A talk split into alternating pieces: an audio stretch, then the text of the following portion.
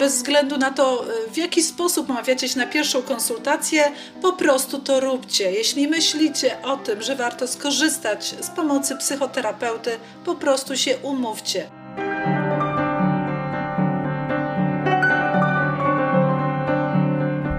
Witajcie w podcaście Można Zwariować. Ja jestem Klaus z Fundacji Można Zwariować. Ja jestem Ania z Fundacji Można Zwariować i Psychoedu. I naszą gościnią jest dzisiaj Agnieszka Flis, która jest opiekunką terapii w Welby.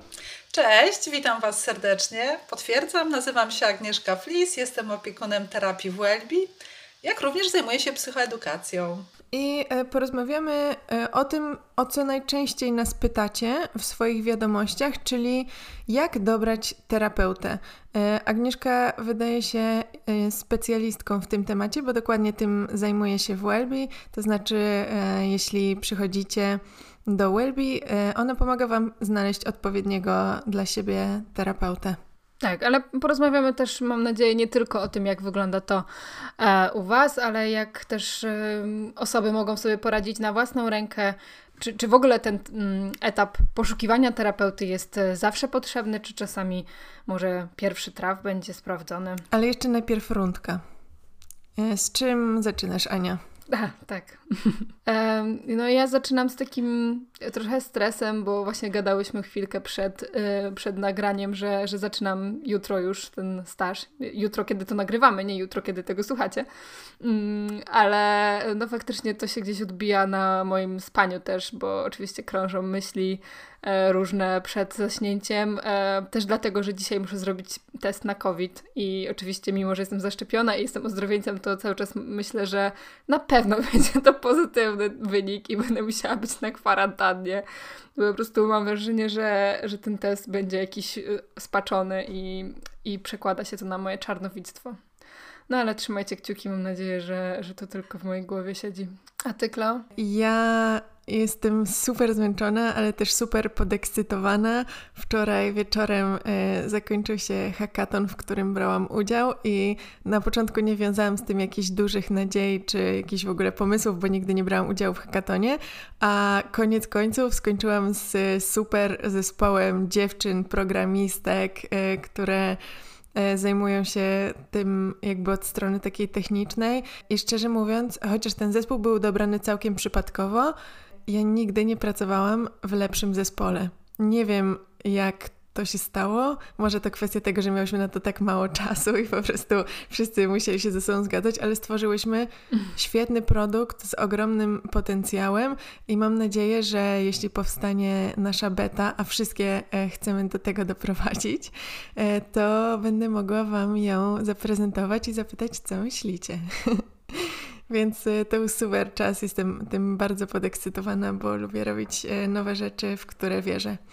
E, a ty, Agnieszka, z czym zaczynasz? E, a ja zaczynam chyba z tęsknotą. E, dlatego, że Aniu wspomniałaś właśnie o stażu klinicznym. Tak się składa, że faktycznie dokładnie w tym samym miejscu mm, byłam na tym stażu i wspominam go jako, no tak jak mówiłam, chyba jako jeden z lepszych momentów swojego życia zawodowego. Więc tęsknię za atmosferą e, panującą na tamtym oddziale, tęsknię za ludźmi.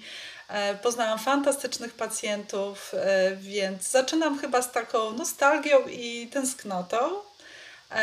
Ale również moja tęsknota ma drugie dno, bo w ten weekend świętowaliśmy Dzień Mamy, więc byliśmy w cudownej restauracji z dwoma mamami moją mamą i mamą mojego męża, więc to był naprawdę pyszny, taki nieśpieszny e, czas dla nas, e, więc no taka podwójna tęsknota. Wow, to chyba trochę jest tak, że bardzo często słyszy się, że psychologowie i psycholożki mówią, że czas spędzony na stażu na oddziale to był świetny i super czas, a pacjenci w drugą stronę. Nigdy tam nie chcę wracać. A, nie wiem, no ja jak byłam na oddziale dziennym i też spędziłam tam trzy miesiące, to ja oczywiście ryczałam i cały zespół i, i to pożegnanie było bardzo no, smutne, ale też wiele pacjent, wielu pacjentów, ponieważ mm, jakby każdy mógł dołączyć w dowolnym momencie, więc jakby no za czasu, kiedy tam byłam, to wielu pacjentów właśnie już kończyło swój pobyt i faktycznie większość osób też mówiła o, o takim, takiej wdzięczności, ale też właśnie nostalgii.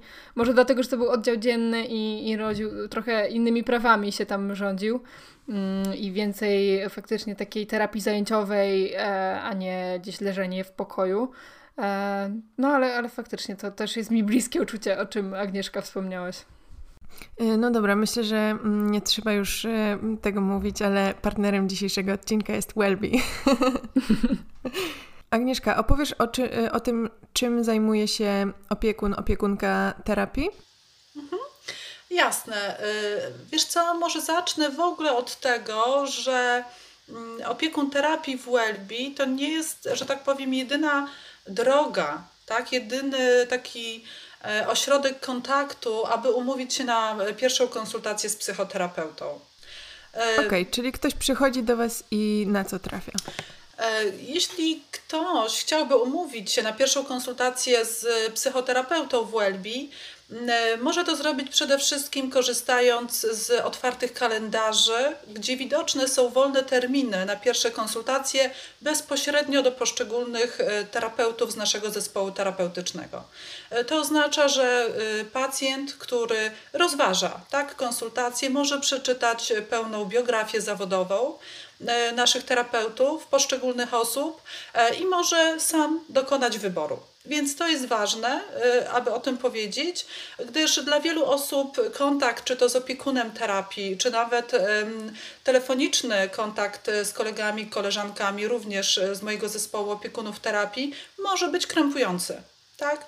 Wiele osób może czuć się niezręcznie e, i absolutnie uważam, że każda jednostka, e, ośrodek, e, centrum psychoterapii powinno umożliwiać też taką opcję umówienia, tak? czyli możemy to zrobić samodzielnie. Ja jestem totalnie tą osobą, która nie chciałaby rozmawiać z kimś, tylko chciałabym przestudiować wszystkie biografie i ciekawostki o terapeutach, a potem wybrać sama. Mhm. Absolutnie się z Tobą zgadzam, szczególnie, że e, kompetencje, e, takie specjalistyczne szkolenia, ukończone warsztaty, oczywiście szkoły psychoterapeutyczne, e, które kończą albo są w trakcie kończenia nasi terapeuci, są bardzo różne. Więc możliwość zapoznania się z pełnym biogramem, kwalifikacjami terapeutów jest bardzo istotne i nawet w rozmowie ze mną, z opiekunem, nie zawsze jest możliwość aż tak szczegółowego, jak gdyby, przejścia. E, że tak powiem, e, przez doświadczenie zawodowe poszczególnych e, terapeutów z naszego zespołu. Więc to jest pierwsza opcja. Druga opcja to jest taka, że można chwycić tradycyjnie za słuchawkę telefonu i zadzwonić na nasz numer infolinii. Po drugiej stronie też czekają opiekunowie i tam tą rozmowę można przeprowadzić o de facto dowolnej porze. Może trwać tyle, ile tego y, osoba poszukująca właśnie psychoterapii potrzebuje. A trzecią opcją jest rozmowa ze mną. Ja prowadzę takie krótkie 20-minutowe wideo rozmowy, na które trzeba się już zapisać na określony termin. E, I faktycznie osoba, która ma pytania związane właśnie z kwalifikacjami poszczególnych terapeutów, z nurtem terapeutycznym, w jakim pracuje dany terapeuta. E, często są to, słuchajcie, pytania związane z tym, czym się różni chociażby praca psychologa od pracy psychoterapeuty, od chociażby pracy psychiatry. Więc z takimi pytaniami bardzo często się spotykam jako opiekun terapii i takie osoby zazwyczaj do mnie dzwonią. Tak, więc są to często osoby, które nigdy nie były na psychoterapii i pytają, ale w ogóle czym jest psychoterapia?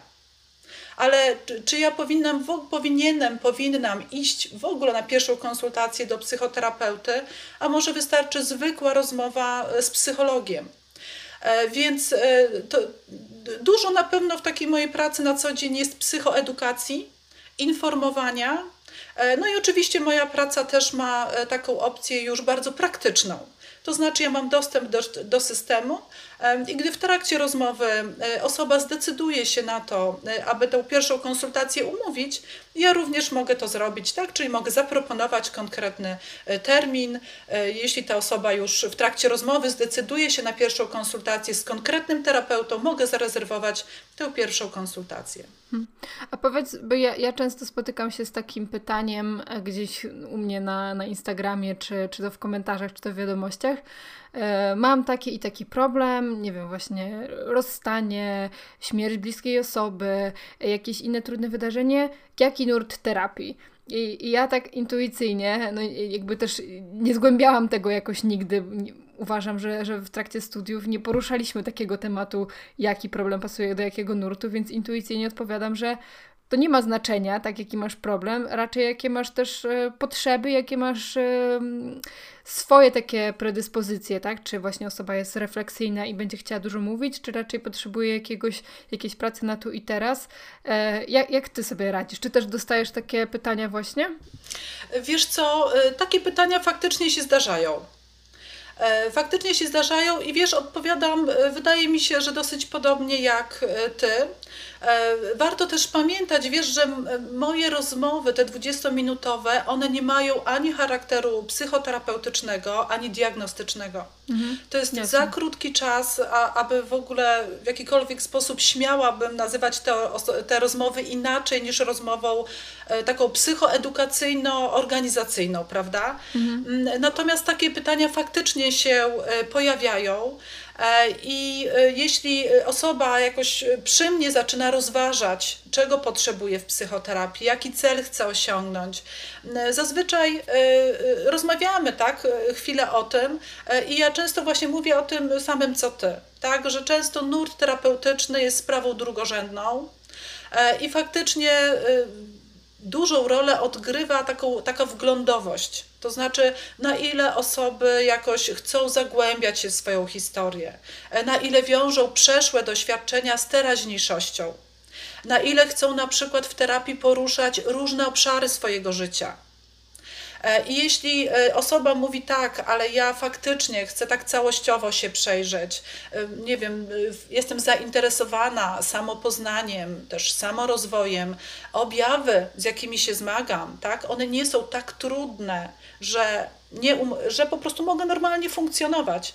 Więc e, wtedy zazwyczaj taka, taka osoba bardziej gdzieś rozważa nurt chociażby e, humanistyczno-egzystencjalny, czy psychodynamiczny, czy mm, terapię z terapeutami integratywnymi. E, czasami myślą o chociażby terapeutach systemowych, gdzie mm, taka uważność na cały system rodzinny, doświadczenia wyniesione przede wszystkim od opiekunów, tak, z dzieciństwa czy późniejszego okresu życia jakoś e, rzutują tak, na to, jak te osoby czują się teraz. Więc w takich przypadkach raczej rozważamy takie nurty. E, natomiast są osoby, które faktycznie zgłaszają się z olbrzymim cierpieniem olbrzymim cierpieniem, które e, jest tak duże na chwilę obecną, że trudno w ogóle takim osobom nawet jakoś myśleć o tym, aby zdecydować się na taką, że tak powiem, kolokwialnie terapię od podszewki, tak? Żeby zastanawiać się, jak, nie wiem, relacje z rodzicami mogły wpłynąć na przykład na budowanie relacji w życiu codziennym teraz, bo bywa, że na przykład e, objawy depresyjne, czy nie wiem, lęk uogólniony, czy lęki napadu panicznego. Te objawy tych trudności są tak intensywne, że te osoby mówią: Wie pani, ja bym tylko chciała mniej cierpieć. Żeby obniżyć trochę, tak? E, poczucie smutku, napięcie, które mi towarzyszy, myśli rezygnacyjne. Więc e, wtedy zazwyczaj pacjenci decydują się w pierwszej kolejności na terapię poznawczo-behawioralną, aby też konkretnymi technikami pomóc sobie. To jest zresztą no, terapia bardziej dyrektywna, tak? Niż terapia chociażby psychodynamiczna. E, więc mówią: OK, ja sobie najpierw pomogę w tym cierpieniu, które mam, a potem być może zacznę się bardziej uważnie przyglądać źródłom tego cierpienia. Czyli wychodzi na to, że mm, ciężko jest o jakąś taką rozpiskę, że jak ktoś przychodzi z zaburzeniami osobowości borderline, to kierujesz na CBT, a jak ktoś przychodzi z depresją, to kierujesz na inny nurt, tylko bardziej oceniasz e, w jakim stanie ktoś przychodzi, tak?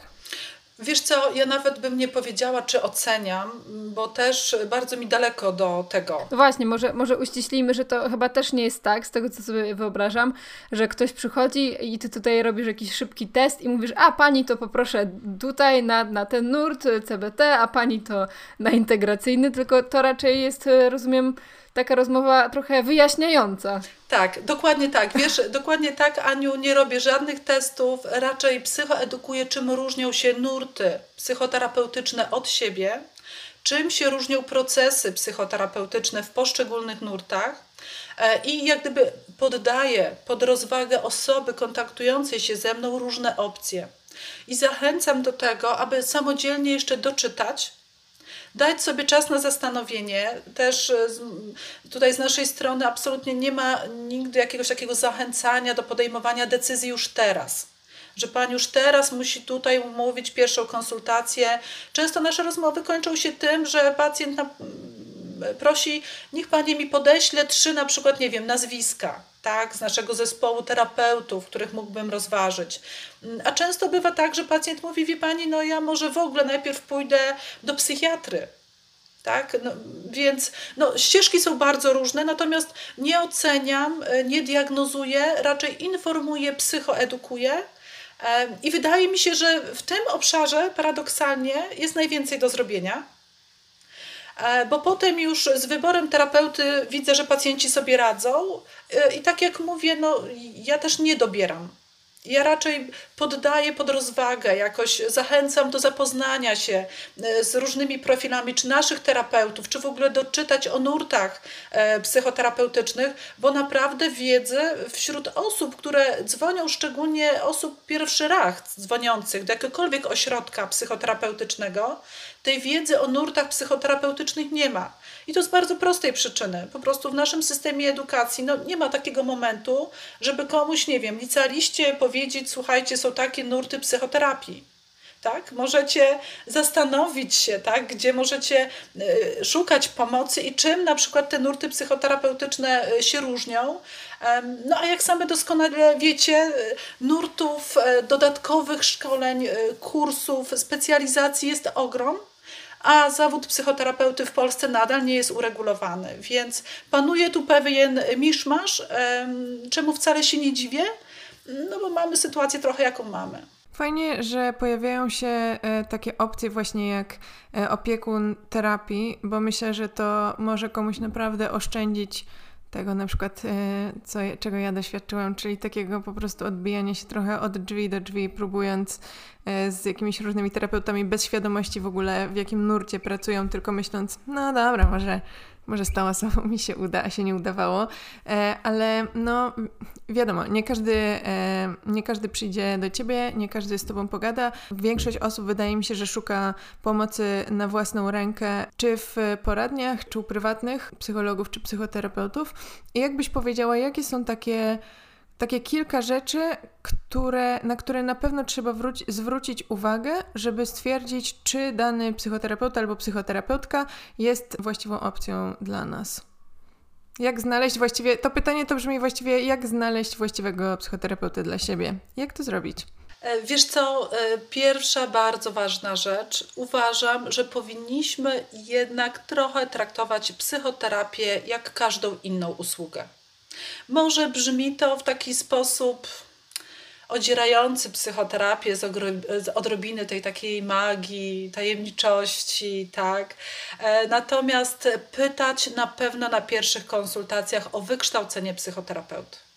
Jest to podstawa i e, ukończenie czteroletniego specjalistycznego kursu psychoterapeutycznego bez względu na, na, na nurt, tak? czy poznawczo-behawioralny, czy psychodynamiczny, czy są kursy integratywne, różne są na rynku.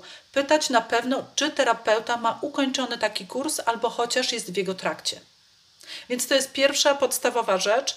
I jeśli terapeuta powie, to dopytać, w jakiej szkole faktycznie ten kurs ukończył lub kończy i sprawdzić, jakie rekomendacje, jakie akredytacje w ogóle posiada to szkolenie. Są e, szkolenia w Polsce, które posiadają akredytację czy Polskiego Towarzystwa Psychologicznego, czy rekomendacje Polskiego Towarzystwa Psychiatrycznego. W przypadku szkół poznawczo-behawioralnych są to e, szkoły należące do Polskiego Towarzystwa Terapii Poznawczo-Behawioralnej. W przypadku szkoleń Gestalt zazwyczaj są to już rekomendacje towarzystw międzynarodowych, więc na pewno do tego zachęcam, czyli zweryfikować wykształcenie. Myślę, że to też możemy zrobić na etapie jakiegoś takiego researchu i, i czytania opisów i, i tutaj też e, może właśnie wtedy warto coś wygooglować sobie, tak? Czy taka szkoła istnieje. Tak, dokładnie tak. Może to być oczywiście jeszcze przed umówieniem pierwszej konsultacji, ale jeśli tego nie zrobiliśmy, powinniśmy e, naprawdę e, odważnie i świadomie o to pytać na pierwszej konsultacji. To jest pierwsza rzecz. Druga rzecz, jaką warto zweryfikować, to jednak dopytać terapeutę, czy terapeuta jest po własnej psychoterapii lub pracy własnej oraz czy pracuje pod superwizją. Zazwyczaj e, ta superwizja wzbudza wśród e, osób uczestniczących e, w psychoterapii taki pewien odruch, powiedziałabym, niepokoju, tak? No bo rozumiem, że terapeuta być może gdzieś rozmawia też o mnie z kimś innym, natomiast jest to gwarancja tego, że proces terapeutyczny będzie prowadzony w sposób etyczny i rzetelny, a na pewno merytoryczny. Więc ja myślę, że dopytywanie świadome o to, czy terapeuta przeszedł własną psychoterapię lub pracę własną, bo warto pamiętać, że wśród terapeutów poznawczo-behawioralnych ten wybór psychoterapii nie jest egzekwowany przez, przez e, ośrodki szkolące, tylko to jest tak zwana praca własna. Ale o to trzeba dopytać, czyli psychoterapia lub praca własna i czy terapeuta jednak korzysta z superwizji. Tak, to, ta superwizja często ciekawi pacjentów i, i trochę rodzi takiego mm, zaciekawienia, ale właśnie takiej e, może wątpliwości. E, może też szybko wyjaśnijmy, czym jest e, ta superwizja, bo, bo to kojarzy się różnie. U mnie, tak, tak mogę powiedzieć z własnej perspektywy, jak to wygląda, to podczas superwizji grupowej w ramach mojej szkoły psychoterapii odsłuchujemy fragmentów nagrań sesji z pacjentami. Każdy ma w obowiązku przedstawić kilka takich nagrań w w trakcie szkolenia. I to, co jest cenne, to nie tylko to, że mogę posłuchać feedbacku mojej grupy na temat tego, jak ja prowadzę psychoterapię, ale też y, odsłuchuję nagrań moich kolegów, koleżanek i to jest, y, to są często bardzo podobne problemy, podobne schematy, więc dzielimy się wspólnie pomysłami, co można jeszcze zrobić, czy jak oceniamy jakoś kontakt terapeutyczny i, i też przez to, że odsłuchuję, jak inni moi y, koledzy, koleżanki pracują, to też jakby sama się uczę. E, drugim krokiem jest superwizja jakby już osobista, indywidualna, którą wykupuję i, i tam zazwyczaj mm, nie puszczam nagrań, tylko opowiadam o, o jakimś danym przypadku, co sprawia mi trudność I moja superwizorka wówczas też dopytuje dużo, e, stawia mi takie pytania, tak, a czy dopytałaś o to, a czy, a co tutaj się działo, a co wtedy? No i ja często mam takie, kurczę, no nie dopytałam, no tutaj trzeba do tego wrócić. E, często też sugeruje mi jakieś e, ćwiczenia, tak, jakieś konkretne, właśnie konkretne zagadnienia, którymi może warto byłoby się tutaj zająć. Mm, więc to też jest takie, to, to nie jest tak, że my sobie obgadujemy tą osobę i patrzymy, co tam jest w niej źle, albo mówimy, o no jaka to jest, nie wiem, straszna, zaburzona i co nie tylko, tylko no gdzieś szukamy rozwiązań często. E, czy też ewentualnie, jeśli ja czuję się źle w jakiejś relacji, to, to wtedy jakby też uzyskuję wsparcie i zastanawiamy się, dlaczego ja się w, tym, w tej relacji źle czuję, a dlaczego pacjent czy pacjentka e, mogą się źle czuć i, i że może właśnie wtedy ta coś jakby w tej relacji nie gra, więc to jest y, też w zależności od nurtu, myślę, że inny styl, styl tej superwizji. E, no ale to tak na szybko, jak, jak u mnie to wygląda. To wiesz co, Aniu, to ja może szybko dopowiem, że faktycznie w spotkaniach superwizyjnych nie zawsze nagrania sesji z pacjentem są konieczne. E, akurat w wielu superwizjach, w których też ja biorę udział, ale też terapeuci, e, których też po części ja rekrutuję do naszego zespołu, bo dodam, że ja jako opiekun terapii też biorę udział w rekrutacji naszych terapeutów, więc ja też znam ich kompetencje tak, dzięki temu. Natomiast ta superwizja e, wygląda faktycznie często tak, że są to e, często sesje spisywane z pamięci. To znaczy terapeuta zapisuje mniej więcej trwający dialog na spotkaniu terapeutycznym, na sesji terapeutycznej. Natomiast tutaj warto dodać, że jest specjalnie jesteśmy szkoleni, my jako terapeuci, w jaki sposób w ogóle przechowywać dane osobowe i czym się możemy dzielić. My nie możemy mówić, jakie jest imię pacjenta, absolutnie nie możemy mówić, jakie jest nazwisko, nie możemy podawać jakichkolwiek informacji na tej superwizji, które mogłyby w jakiś sposób zidentyfikować tę osobę. Czyli nie możemy mówić, gdzie studiuje dokładnie, w jakim mieście się urodziła. I jeśli ktokolwiek biorący udział w superwizji, ja zazwyczaj biorę udział w superwizjach indywidualnych, grupowych także, ale jeśli ktokolwiek z uczestników superwizji e, kojarzyłby tę osobę, tak, pacjenta, o którym mówimy, ma obowiązek zgłoszenia tego i wyjścia. Materiałów, które spisujemy, nie możemy nikomu przesyłać, musimy od razu usuwać z komputera. Zawsze są to pliki specjalnie zabezpieczone i zahasłowane. Więc cała procedura związana z dbałością o to, aby nigdy dane osobowe tej osoby gdzieś się nie pojawiły, są jednym z najważniejszych elementów w szkoleniu superwizyjnym. Tak? Więc warto też to dodać, bo faktycznie y, pacjenci mogą się zastanawiać, ale czy ktoś nie, nie, nie dowie się, że to ja tak? Czy może przypadkowo gdzieś moje dane osobowe e, nie wyciekną? No nie, to jest podstawa w ogóle w pracy superwizyjnej. E, natomiast dla pacjenta, jeśli wie, że terapeuta pracuje pod superwizją, czyli ma kontakt z bardziej doświadczonym terapeutą, który zazwyczaj ma certyfikat superwizora, jest gwarancją, że terapeuta, który z nim rozmawia, nie popełnia błędów merytorycznych najzwyczajniej w świecie tak? I może czuć się dużo bardziej bezpiecznie. Więc może tyle, aby też jakoś domknąć ten temat superwizji.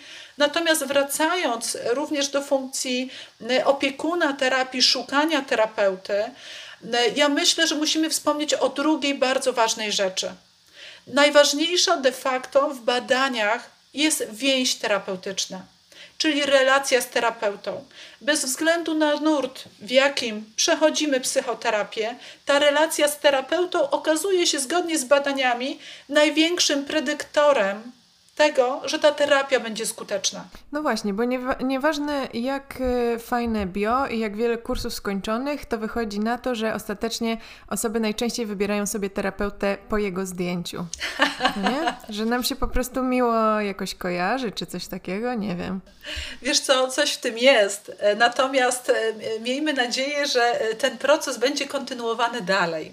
To znaczy, oczywiście można umówić się i po, i, i po widoku, jakoś po zdjęciu, tak? Ja myślę, że też nie ma z tym kłopotu. Pamiętajmy, że umawiamy się na pierwszą konsultację.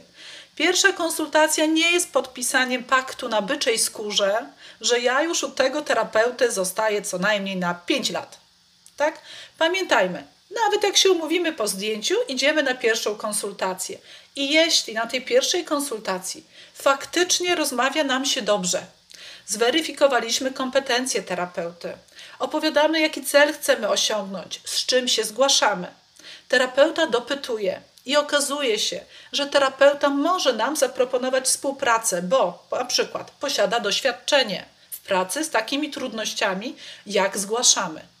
Tak? Okazuje się również, że tak wstępnie czujemy tą chemię. Czasami naprawdę bywa, że y, takie prozaiczne problemy interpersonalne w komunikacji werbalnej, y, bywa, y, takie trudności naprawdę bywają przyczyną takiego braku skuteczności terapii. Wiecie, są pacjenci, którzy mówią, wie pani, no ale ten terapeuta to on milczy.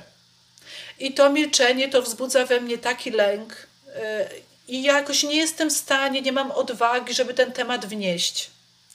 Albo do inni pacjenci mówią, no wie pani, ale ten terapeuta to z kolei tyle gada, że nie ma miejsca dla mnie. Tak? Więc oczywiście najważniejsze to jest to wnosić na terapię. Mówić to wprost terapeucie, tak? Proszę pana, pan mówi za dużo, coś się, coś się we mnie dzieje. To jest też moment, żeby przyjrzeć się razem z terapeutą. Czy to może jest wzorzec pewien, który powtarzamy w relacjach ale być może to jest naprawdę niedopasowanie między tym pacjentem a terapeutą. Tak? Też ostatnio zdarzyło mi się e, gdzieś w komentarzach e, czytać u mnie takie, takie właśnie opinie, tak, że ale co zrobić, kiedy właśnie e, z terapeutą czuję się tak i tak. I, I wywiązała się jakaś taka fajna dyskusja, nie pamiętam pod którym to było postem, że właśnie osoby też pisały, że kiedy poruszyły taki trudny temat u siebie na terapii, kiedy właśnie odważyły się coś nazwać, tak powiedzieć, że nie pasuje mi to, e, to wywiązał się z tego w ogóle kolejny ciekawy temat i paradoksalnie ta praca wtedy ruszyła, bo, bo był jakiś konkretny problem taki in vivo, którym można było się zająć. Tak, i myślę, że to jest właśnie ważne, żeby na tej pierwszej konsultacji zobaczyć, czy to pierwsze dobre wrażenie z tego zdjęcia, o którym powiedziałaś, Kleo, jest jakoś kontynuowane Czy ja wstępnie czuję, tak? Że, że, no mówię, mamy tą chemię, łapiemy jakoś ten kontakt i że, nie wiem, druga, trzecia konsultacja, okej, okay, czuję się wstępnie. Oczywiście to są tylko pierwsze trzy spotkania, tak? Z osobą zupełnie nieznaną. Ale jeśli wstępnie czuję, że tak, byłabym jej w stanie powiedzieć, że mi coś nie pasuje w naszym kontakcie, tak? To jest bardzo dobry znak, żeby spróbować faktycznie z terapią, z tym terapeutą. Natomiast jeśli na tych pierwszych konsultacjach okazuje się, że w jakiś sposób no, czujemy, że nie wiem, czujemy się oceniani, czujemy, że nie wiem, właśnie terapeuta mówi za dużo, mówi za mało. Czasami też się okazuje, że dociera do nas, że na przykład to nie jest ta płeć terapeuty naprawdę to też jest ważne, bo czasem okazuje się, że nie wiem, jesteśmy w kontakcie z terapeutą płci męskiej i mówimy, ojej, ale ja jakoś nie mam odwagi, żeby mówić o wszystkim, co się dzieje w moim świecie wewnętrznym. A czasami jest na odwrót, tak? Jesteśmy w kontakcie z terapeutką i mamy wrażenie, że ojejku, no jakoś nie czuję odwagi, żeby jej powiedzieć, tak, szczerze, co jest we mnie. To jest coś, co warto oczywiście wnosić i mówić o tym na tym spotkaniu, nawet już pierwszym konsultacyjnym, ale też zastanowić się, czy też to nie jest coś, co jednak sprawia, że mogę pójść na jedną czy dwie konsultacje do kogoś innego. E, oczywiście, jeśli nam e, jakieś warunki finansowe czy czasowe na to pozwalają. No bo wiadomo, tak, takie pierwsze konsultacje zazwyczaj też są płatne i to jest koszt zazwyczaj powyżej 100 e, zł, więc no, różna może być nasza też oczywiście sytuacja finansowa. Ale jeśli tylko mamy taką możliwość, no to wtedy warto, mówię, umówić się na jedną czy dwie konsultacje do kogoś innego. Ja też myślę, że to jest bardzo ważnym, żeby próbować znaleźć kogoś dla siebie, bo myślę, że to może mieć ogromny wpływ na to w ogóle, czy będziemy podtrzymywać e, tę terapię, no nie? A nie, że będziemy się zmuszać do tego, żeby tam chodzić, tylko mając właśnie taki, takie podekscytowanie tego, okej, okay, teraz mogę to przepracować, teraz mogę to przepracować, a o nie, boję się, że pójdę do kogoś, kto mnie nie zrozumie, no ale już zaczęłyśmy tę terapię, no i ona już jakoś tak idzie i... Jakiś czas temu, jak próbowałam namówić mojego taty na terapię, e, i tak się zastanawialiśmy, jakby, jak, jak mu wybrać? No i on powiedział, że chciałby rozmawiać raczej z kobietą. I ja mówię, no dobra, e, a z kim właściwie ty lubisz rozmawiać? No i mój tata mówi z tobą. I myślę, że to jest e, dobry pomysł, żeby jakoś się zastanowić nad tym, z kim właściwie lubisz rozmawiać tak w swoim życiu, jak, nie wiem, masz przyjaciół, czy, czy kogoś, e, komu wiesz, że umiesz e, powiedzieć bardzo dużo e, i też otworzyć się? E, czy to jest dobry trop, żeby jakoś, wiesz, szukać trochę pod tym kątem, że, że może jeśli mam przyjaciółki, wobec których się otwieram, to też raczej postawię na terapeutkę raczej niż na terapeutę? Wiesz co, trudno mi jakoś powiedzieć. Myślę, że szukając na początek w ogóle pomocy dla siebie, ja myślę, że warto chwytać się czasami, wiesz, czegokolwiek, nawet takich doświadczeń, jak mówisz, tak, że nie wiem, e, z przyjaciółką mi się lepiej rozmawia niż, nie wiem, z przyjacielem, bo na przykład w rozmowie z przyjacielem mam wrażenie, że pewnych tematów, nie wiem, chociażby związanych, nie wiem, z kobiecością, intymnością, jakoś trudno mi podnosić, a to na przykład sobie wyobrażam, że może być ważny element mojej terapii, e, więc oczywiście można, natomiast ja myślę, że chwytajmy się wszystkiego, jeśli przede wszystkim mamy takie poczucie, że terapia to jest powód do wstydu. Bo jest mnóstwo osób, które ma wewnętrzną, olbrzymią ambiwalencję między tym, że potrzebuje pomocy. Ja wręcz wiem, że potrzebuje psychoterapii, tak? Czy pierwszego, tak jak mówimy, spotkania konsultacyjnego z jakimś specjalistą, a czuję tak często obezwładniający mnie wstyd, że jejku, to ja teraz będę, nie wiem, wariatem, że jak ktoś się dowie, to będzie to, nie wiem, właśnie powód do wyśmiewania się ze mnie. Więc ja w takich chwilach myślę sobie, że to, co mówisz, Kleo, jakakolwiek motywacja, żeby, wiesz, pójść na to pierwsze e, spotkanie konsultacyjne, jest po prostu dobra. Ja też spotkałam się ostatnio z takim, nie wiem czy mogę to nazwać e, stylem czy sposobem e, doboru terapeuty w jakimś, e, w jakimś vlogu na YouTubie, gdzie osoba opisywała, że najpierw zrobiła research tam nie wiem, ponad 100 osób, które w ogóle jakoś je, ją zaciekawiły. Mm, później zaczęła właśnie jakoś to zawężać i, i finalnie umówiła się chyba na pięć spotkań, takich pierwszych konsultacji i, I z tego jakby właśnie zawęziła sobie i, i wybrała już jedną osobę, z którą chce kontynuować tą terapię. I, i z jednej strony wydawało mi się to e, bardzo no takie przemyślane i faktycznie wręcz... To nie jest mój blog.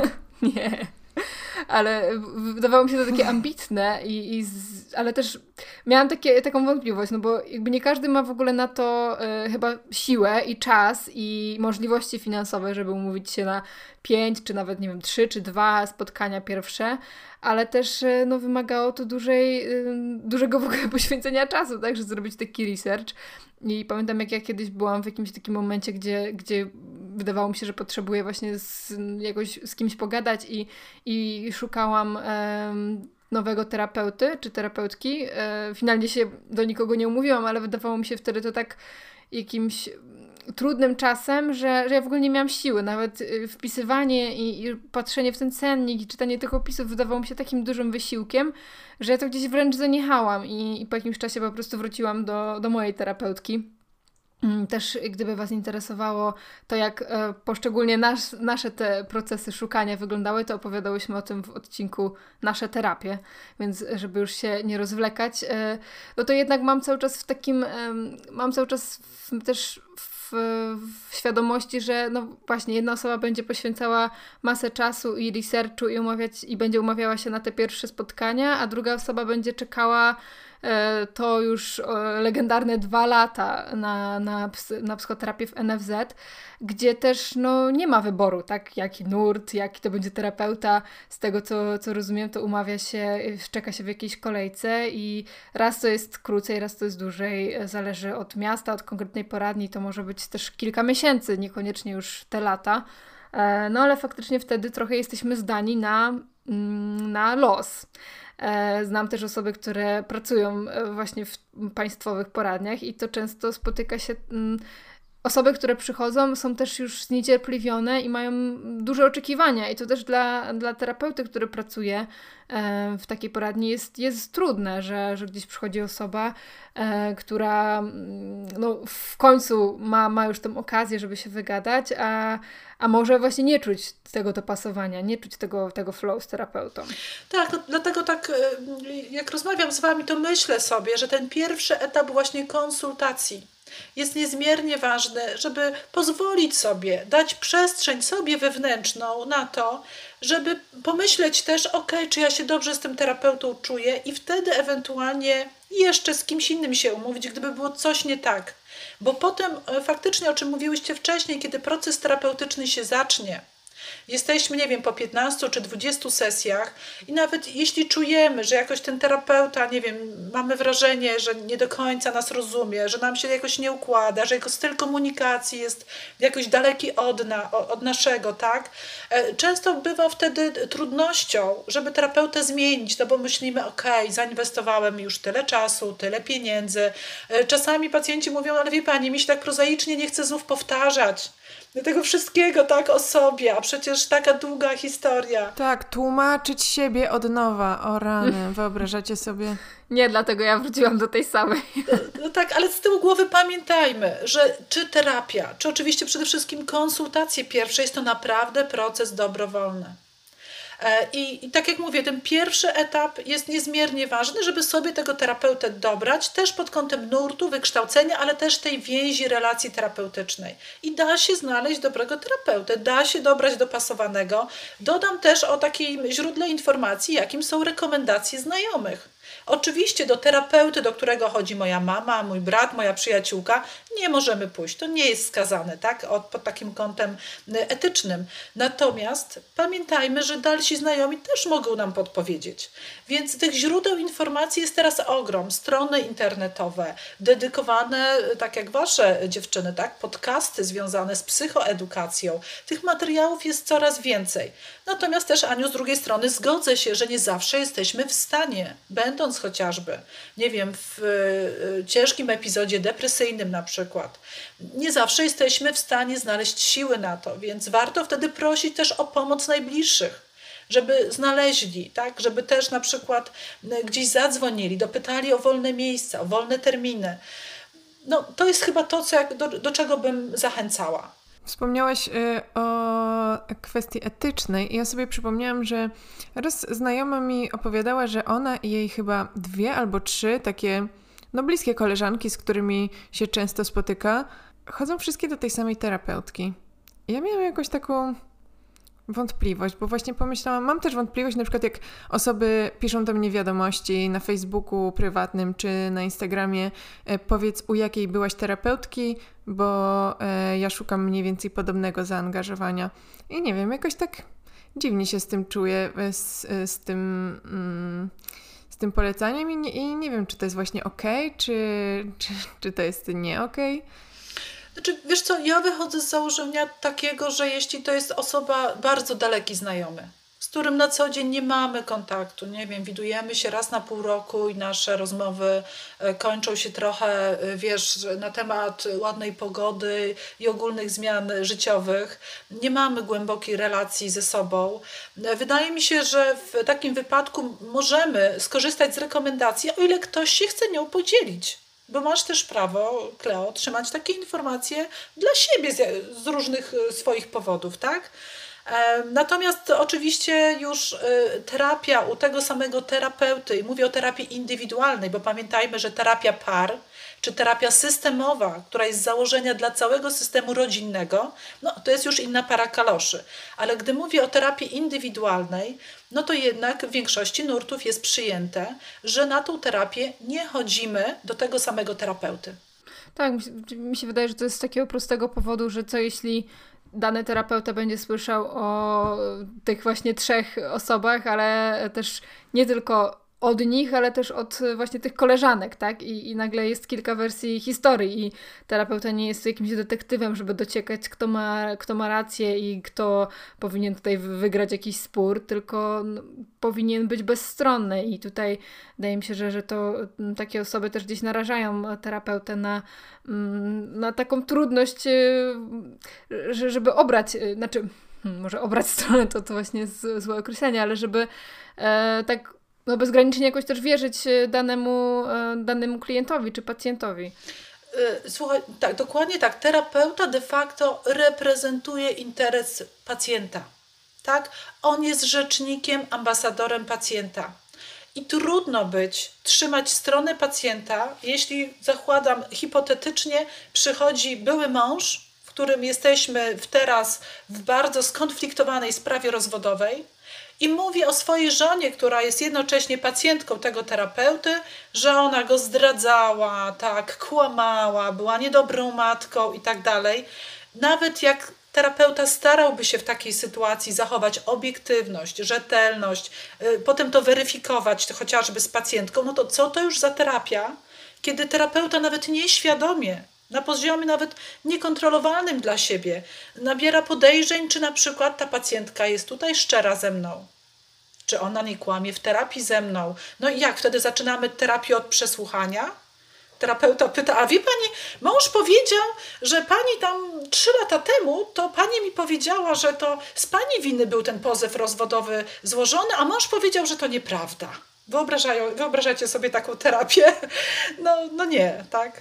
No ostatecznie terapia polega na tym, że pracujecie tylko na tym, co wy przyniesiecie na tę terapię.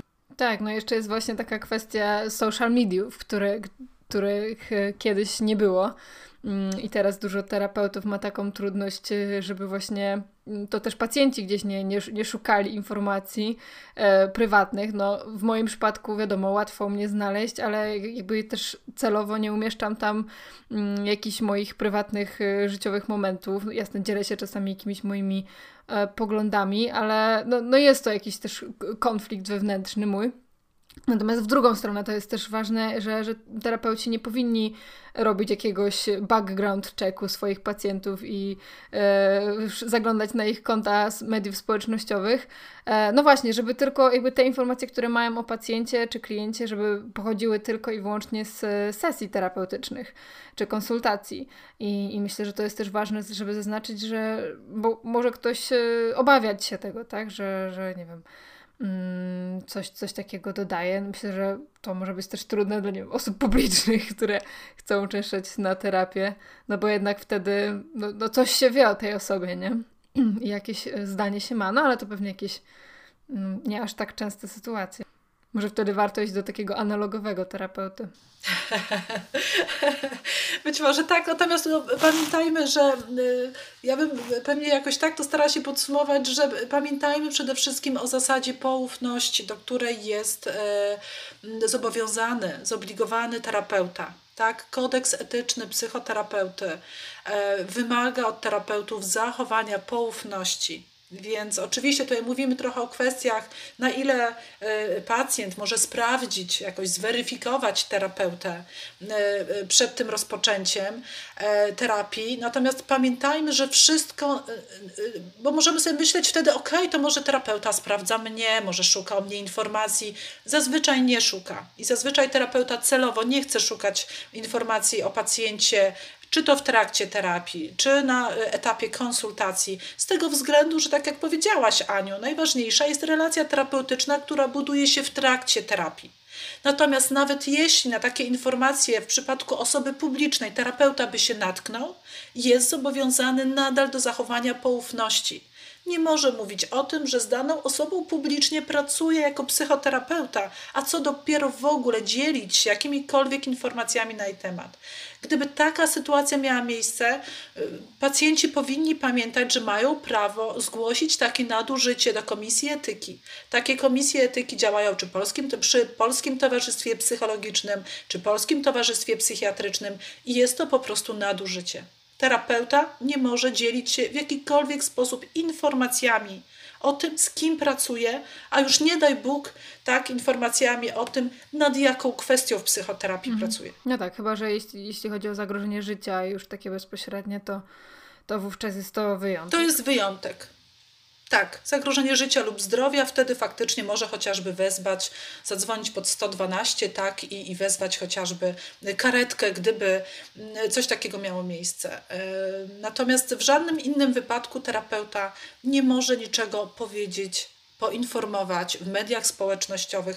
To jest absolutnie niedopuszczalne. No i chyba rzadko się w ogóle coś takiego zdarza. Ja przynajmniej nie, nie słyszałam o żadnej takiej sprawie i i tak samo, no, jak lekarza obowiązuje tajemnica lekarska, tak samo i nas. Myślę, że nawet jest to wrażliwszy temat czasami. Tak, tak, dokładnie tak. E, mamy nadzieję, że po odsłuchaniu tego odcinka, jeśli wahacie się albo nie wiecie, jak zacząć, będzie Wam jakoś trochę łatwiej, albo rozwiałyśmy może trochę Waszych wątpliwości, jeśli chodzi o szukanie terapeuty, albo o to, jak znaleźć właściwego dla siebie terapeuta. E, dzięki Agnieszka za wytłumaczenie tego e, tak klarownie. Dziękuję także. Kleo, ja też na koniec e, chciałam powiedzieć, że bez względu na to, w jaki sposób mawiacie się na pierwszą konsultację, po prostu to róbcie. Jeśli myślicie o tym, że warto skorzystać z pomocy psychoterapeuty, po prostu się umówcie. Zacznijcie i po prostu życzę efektywnych Mm, owocnych e, rezultatów takich spotkań potem już terapeutycznych. Dzięki wielkie. Dziękuję także, miłe Pani. Pa. Do widzenia.